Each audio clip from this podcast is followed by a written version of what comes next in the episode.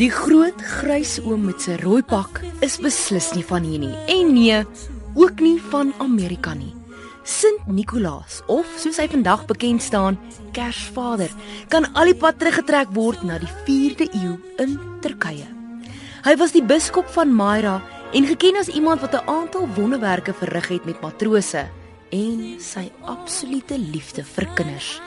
Na sy dood word hy as heilige verklaar van beide die groepe sowel as die vir ongetroude vroue. Paus Julius die 1ste het om en by dieselfde tyd as Sint Nicolaas geleef en daardie tyd besluit om 'n dag te kies wat Jesus se geboorte herdenk. So het hy besluit op die 25ste Desember. Sint Nicolaas se feesdag het toe na 'n kloppie jare deel geword van Kersfees en so word Sint Nicolaas of Kersvader deel van die vieringe.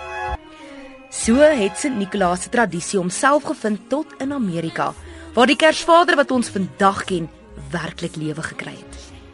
Clement Moore was 'n professor in teologiese tale en het vir die plesier vir sy familie 'n gedig geskryf genaamd 'n besoek van Sint Nicolaas. In die gedig beskryf Moore Sint Nicolaas as 'n klein man met 'n wa wat deur agt miniatuur takbokke getrek word. Hy vlieg dan van huis na huis en gaan af by die skoorsteen en los geskenkies in die kouse wat by die skoorsteen gehang het om droog te word. So het Kersvader oor die eeue deur verskillende kreatiewe breine goedjies bygekry, soos waar hy woon, die lysie met name wie soet en stout was in die jaar en natuurlik sy helpers wat die geskenkies maak. Maar een ding wat nooit verander het nie, is sy liefde vir kinders en sy liefde om vir ander te gee. Kersvader is dalk vandag kommersieel, maar hy herinner ons om te gee.